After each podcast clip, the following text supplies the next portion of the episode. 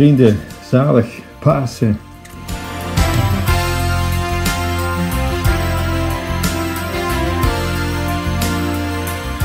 Het paasverhaal is toch een wonderlijk verhaal. Hoe, hoe dat te duiden, iemand die sterft en ja, verrijst. Misschien mag ik het met u hebben over mythen, legenden, allegorische verhalen, bijbelverhalen. Hoe zit het nu? Hoe moeten we het zien? Een mythe, dat is zoals u weet een, een verzonnen verhaal dat, dat iets duidelijk wil maken over ja, algemene waarheden. Uh, een verhaal met een moraal, zo gezegd. Uh, fantasie, geen werkelijkheden, maar wel middels een verhaal iets duidelijk willen maken over de natuur. Uh, over um, iets wat waardevol lijkt, maar toch een vloek kan worden. Denk aan de doos van Pandora. Denk aan Achilles, de mythe over Achilles, de onkwetsbare held die toch sterfelijk blijkt te zijn. De Achilleshiel bleek kwetsbaar. Um, raadsel van de Sphinx, nog zo'n prachtige mythe over de levensfases van een mens. Uh, jong, volwassen, oud. Uh, denk ook aan Narcissus. De Bijbel, die kent natuurlijk talloze thema's. Liefde, vergeving, wraak, vertrouwen, opoffering. Maar de Bijbelse geschiedenis is iets anders dan een mythisch verhaal natuurlijk. He, mythen en, en sprookjes, u weet het, die zijn ontsproten aan, aan de fantasie. Personages, plaatsen van handeling, alles is fictief. Het, het begint niet voor niks met, uh, zoals sprookjes beginnen, er was eens, ja, eens wanneer en dan waar, ja, ook een, een locatie verzonnen of lang, lang geleden in een ver verwijderd uh, universum. Maar kijk eens naar de Bijbel. Alles is heel concreet. We zagen het al bij het wonderlijke kerstverhaal. In de tijd van, nou, en er wordt opgezomd welke tijd het was, wie daar waren, precies de locatie, Bethlehem, uh, de personen die we tegenkomen. Alles is heel concreet. Dat is ook bij het paasverhaal. Over wie gaat het? Nou, het zijn historische figuren. Pontius Pilatus, er zijn gewoon munten van gevonden. Um, wordt heel duidelijk aangeduid over welke vrouw het ging, welke mannen, uh, wie de hoofdrolspelers zijn. Heel concreet is ook waar het plaatsvindt. U kunt het nog steeds op een landkaart aanwijzen of op een wereldbol. En ook, het is makkelijk te dateren wanneer. Um, lees er de geschiedenisboeken op na. Het is een helder historisch verhaal. Al die gebeurtenissen, al die bijbelse gebeurtenissen, die hebben ons iets te zeggen. Iets wat ons raakt. Het heeft met ons te maken. de schepping, ja, is de wereld geschapen door iemand bewust met een doel. Kortom, hebben wij een doel? Of is het een kwestie van toeval, een explosie? Nou ja, dit was het resultaat. Maar ook als het zo goed was geschapen, waar ging het mis? Hoe kon het zo misgaan? Ook herkenbaar, kan een mens zichzelf redden? Nou, kijk naar de geschiedenis, kijk naar je eigen leven. Je kunt, om maar beeldspraak te gebruiken, je niet aan je eigen haren uit het moeras trekken. Iemand van buiten moet dat doen. Kan het nog goed komen? Komt die hulp van buitenaf er? En kijk dan eens naar dat levensverhaal van Jezus van Nazareth zoals opgetekend door Marcus, Matthäus, Lucas, Johannes. Het gaat er over thema's als de zondeval, de ernst van het kwaad, de wonderlijke gevolgen van de naaste liefde die mensen doet veranderen, net zoals vergeving en barmachtigheid. Hoe maak je dat meer concreet, dat het gaat leven? Die, die bijbelse thema's die ik net noem, die staan erin vermeld, zeker. Maar hoe hoe maak je die wat duidelijk? Dat er de wow-factor ontstaat, zal ik maar zeggen. Dat kan naast die Bijbelse verhalen zelf, die vaak voor zichzelf spreken, door allegorische verhalen. He, dat, allegorische verhalen die wel een, een diepere tekenis van een gebeurtenis, van hetgeen voortgevallen is, willen die duiden. En allegorie dus niet te verwarren met een mythe. Een allegorie wel iets duidelijk maken van iets wat heeft plaatsgevonden, van wat iets wat gebeurd is, duidelijk maken middels een verhaal. Nou, geef je wat voorbeelden. Lord of the Flies, heer van de vliegen. Je weet wel over een groep kinderen, onschuldige kinderen, die op een eiland belanden, verder geen volwassenen. Het begint paradijselijk, maar het ontaart in groot kwaad, gaat van kwaad tot erger. Wat wil het verhaal duidelijk maken? De auteur die zegt het zelf, het kwaad. Nee, dat zit niet in de omstandigheden, dat zit niet in de maatschappij, het zit in de mens zelf. Heel bijbels mysterie van het kwaad. Mysterium iniquitatis, zegt Thomas van Aquino. Het kwaad heeft iets heel onredelijks. Je ziet iets goeds en je wil het kapot maken. Je ziet iets moois en je maakt het lelijk. Je ziet een raam, je ziet een steen, je gooit die steen door het raam. Waarom? Het heeft iets onredelijks. Lord of the Flies. Een ander voorbeeld, prachtige verhalen van de Narnia-verhalen van Lewis, C.S. Lewis. Hè. Een daarvan is de leeuw, de heks en de klerenkast. Ja, daarom kom je figuren tegen als uh, Aslan, hè, de leeuw die zichzelf opoffert en uit de dood opstaat. In Edmund herkennen we Judas. Het Bijbels verhaal, maar op een hele andere manier verteld. Maar de strekking die wordt ervan duidelijk. Denk aan Dante, de Inferno. Er bestaan natuurlijk ook niet-christelijke allegorieën. Heel bekend is natuurlijk Animal Farm over ja, het communisme in Rusland en hoe dat ook tot ongelooflijk ellende komt. Of een bekend kinderverhaal, het verhaal van de schildpad. wat wil dat duidelijk maken? Doorzettingsvermogen en hard werken, dat leidt tot succes, terwijl arrogantie en luiheid tot niks leiden. Heel veel van die prachtige verhalen, vooral voor kinderen en voor jeugd, die zijn er, die de Bijbel op een andere manier vertellen om de strekking van die Bijbelse gebeurtenissen te verduidelijken.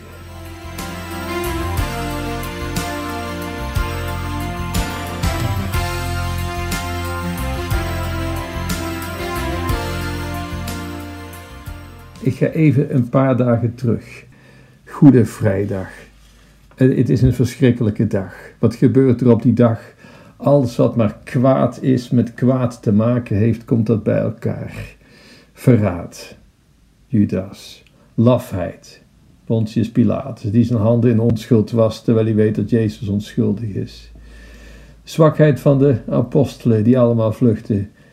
Vreedheid van de soldaten. Bespotting en minachting van het volk. Ga maar door. En dat richt zich allemaal op die ene persoon, Jezus. Drie wonderlijke jaren hebben die apostelen meegemaakt met Jezus. Die prediking, die vele mensen die er door aangedaan werden, die wonderlijke genezingen. En dan die laatste dagen.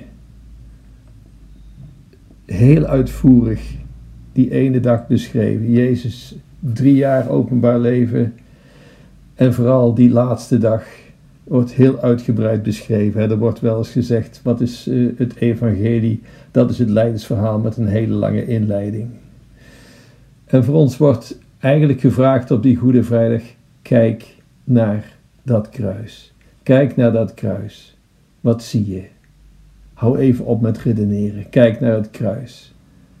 En dan zie je ook de zonde die in jezelf zit en hoe hij dat op zich neemt geen kwaad met kwaad vergeldend. Die intense liefde die er uitstraalt. Kijk naar dat kruis. Het is niet voor niks hè, dat onze geloofsbelijdenis, als het gaat over Jezus en Jezus Christus, zijn enige geboren zoon, er wordt alleen maar gezegd dat hij geboren is uit de maagd Maria, ontvangen van de Heilige Geest. Hè, God heeft ermee te maken. En meteen gaat het door naar Goede Vrijdag. Niets ertussenin, niets over zijn prediking, zijn wonderen, wat dan ook. En waarom?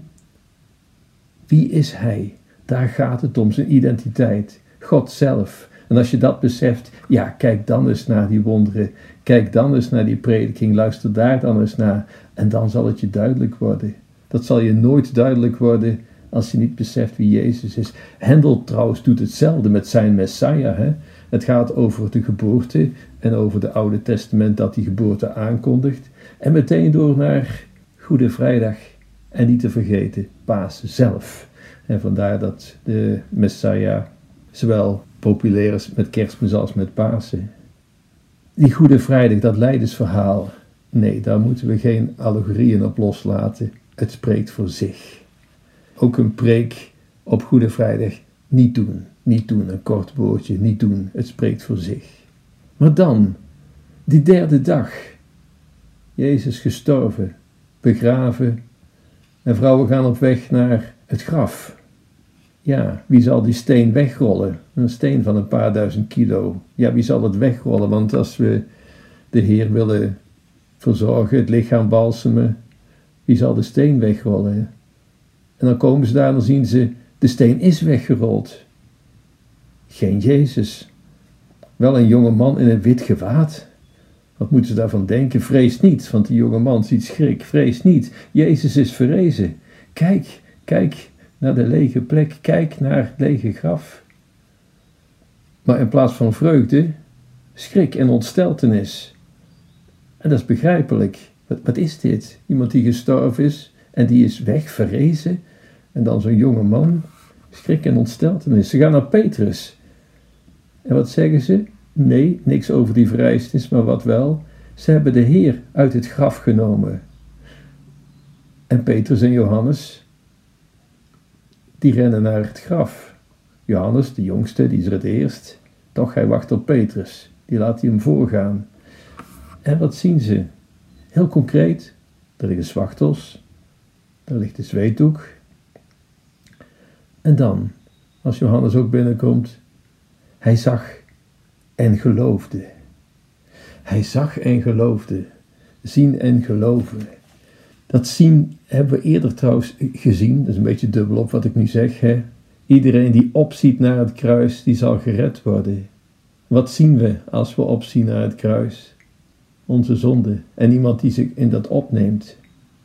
En als je dat beseft, dan kun je niet dezelfde blijven. Het denk aan de honderd man. Waarlijk, deze is de zoon van God. En geloof maar dat hij een ander mens was geworden. Want hier zien we, ja, je zult zeggen, we zien niks, want hij is weg. En toch, hij zag en geloofde. En wat staat erbij? Toen begreep je pas wat er geschreven stond. Dat hij uit de dood moest opstaan. Geschreven stond? Ja, al die profetieën uit het Oude Testament. Alles past naadloos op Jezus. Hij die komen zou, die zoon van David, de Messias zelf. Hadden nooit begrepen dat hij moest sterven. En nu, Johannes, hij beseft het.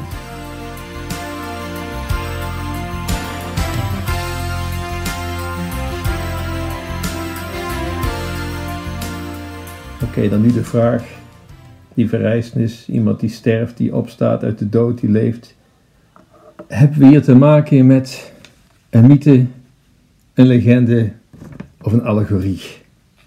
Of een historische gebeurtenis? Eén ding is volstrekt duidelijk als je ziet hoe het beschreven is, wat men heeft willen beschrijven, wat de evangelisten ons duidelijk willen maken. Er is iets gebeurd. Ze willen niet een thema aan de orde stellen, een, een, iets, iets vertellen om iets duidelijk te maken. Nee, er is iets gebeurd, feitelijk gebeurd. En dat wordt op alle manieren ons duidelijk gemaakt. Iets overweldigends, iets wat alles anders maakt. drie jaar zijn de apostelen, de leerlingen met Jezus meegegaan, vol idealen. Ze hebben gehoord wat hij zei.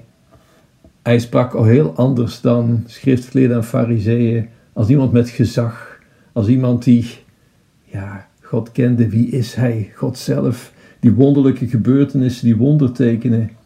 Als laatste zelfs een dode doen opstaan, Lazarus, al eerder hè. Dochtertje van Jairus, Talita Kumi, meisje, sta op. Alles was prachtig, die bergreden, maar dan, die Goede Vrijdag. Alles lijkt in duigen te vallen.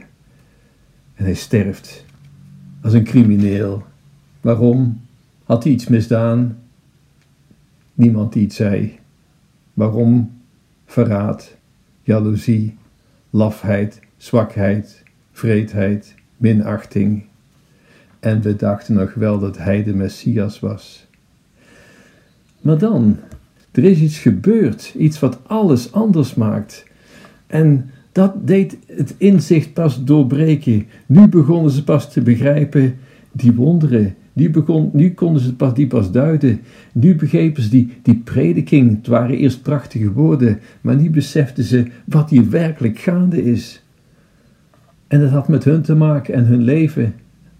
En ook met hun toekomst. Hier was God zelf. En nu beseften ze het pas. Je moet natuurlijk niet vergeten, de evangelisten hebben zijn evangelie dus pas geschreven na de verrijzenis. Toen viel het kwartje, toen vielen de puzzelstukjes in elkaar. En dat maakte ze ook, dit moet ik opschrijven, dit moet verkondigd worden. Het maakt alles anders, het zet alles in een ander daglicht. Even iets heel anders. Het gaat hierover Watership Down, Waterschapsheuvel. U kent het misschien. Bright Eyes, dat liedje van Art Garfunkel. Als u net zoals ik in de jaren 70 opgegroeid bent, dan kent u dat filmpje bij van die konijnen-odyssee. Waar gaat het over? Bright Eyes. Um, Watership Down. Het gaat over een groep konijnen en die hebben het goed. Alles is mooi, prachtige omgeving, veilige omgeving, een aardige boer. Ze hebben prima te eten. We gaan hier nooit meer weg. Het is hier geweldig. Hoewel, er is iets vreemds. Af en toe verdwijnt er een konijntje en ze weten eigenlijk niet hoe of wat. Goed, wat blijkt? Ze worden vet gemest voor de slacht, voor het diner van de boer. En daarom verdwijnt er af en toe één. En toen ze tot dat inzicht kwamen, kwam ineens alles in een ander daglicht te staan. Het was helemaal geen mooie omgeving meer totaal geen veilige omgeving. Integendeel, helemaal geen aardige boer. En dat lekkere eten stond ze tegen. Niets is meer mooi.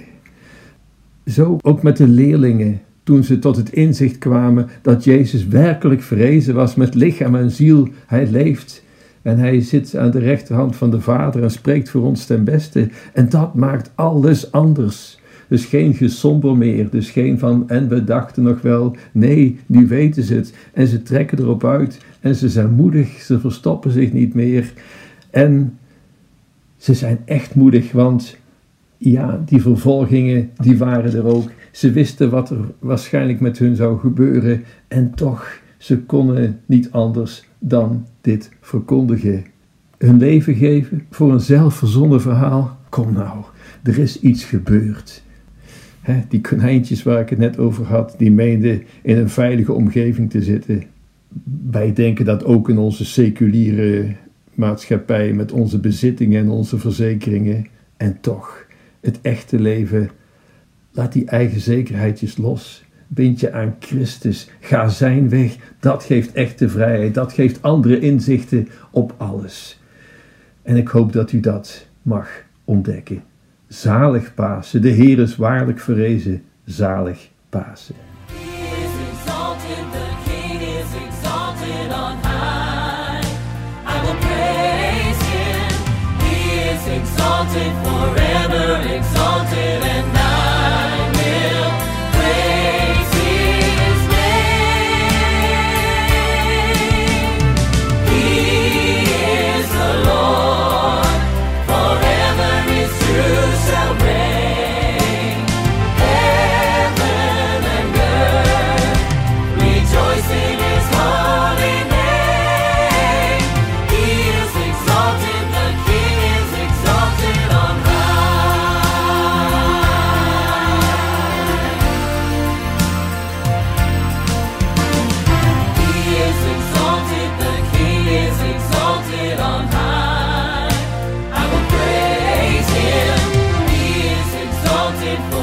forever exalted.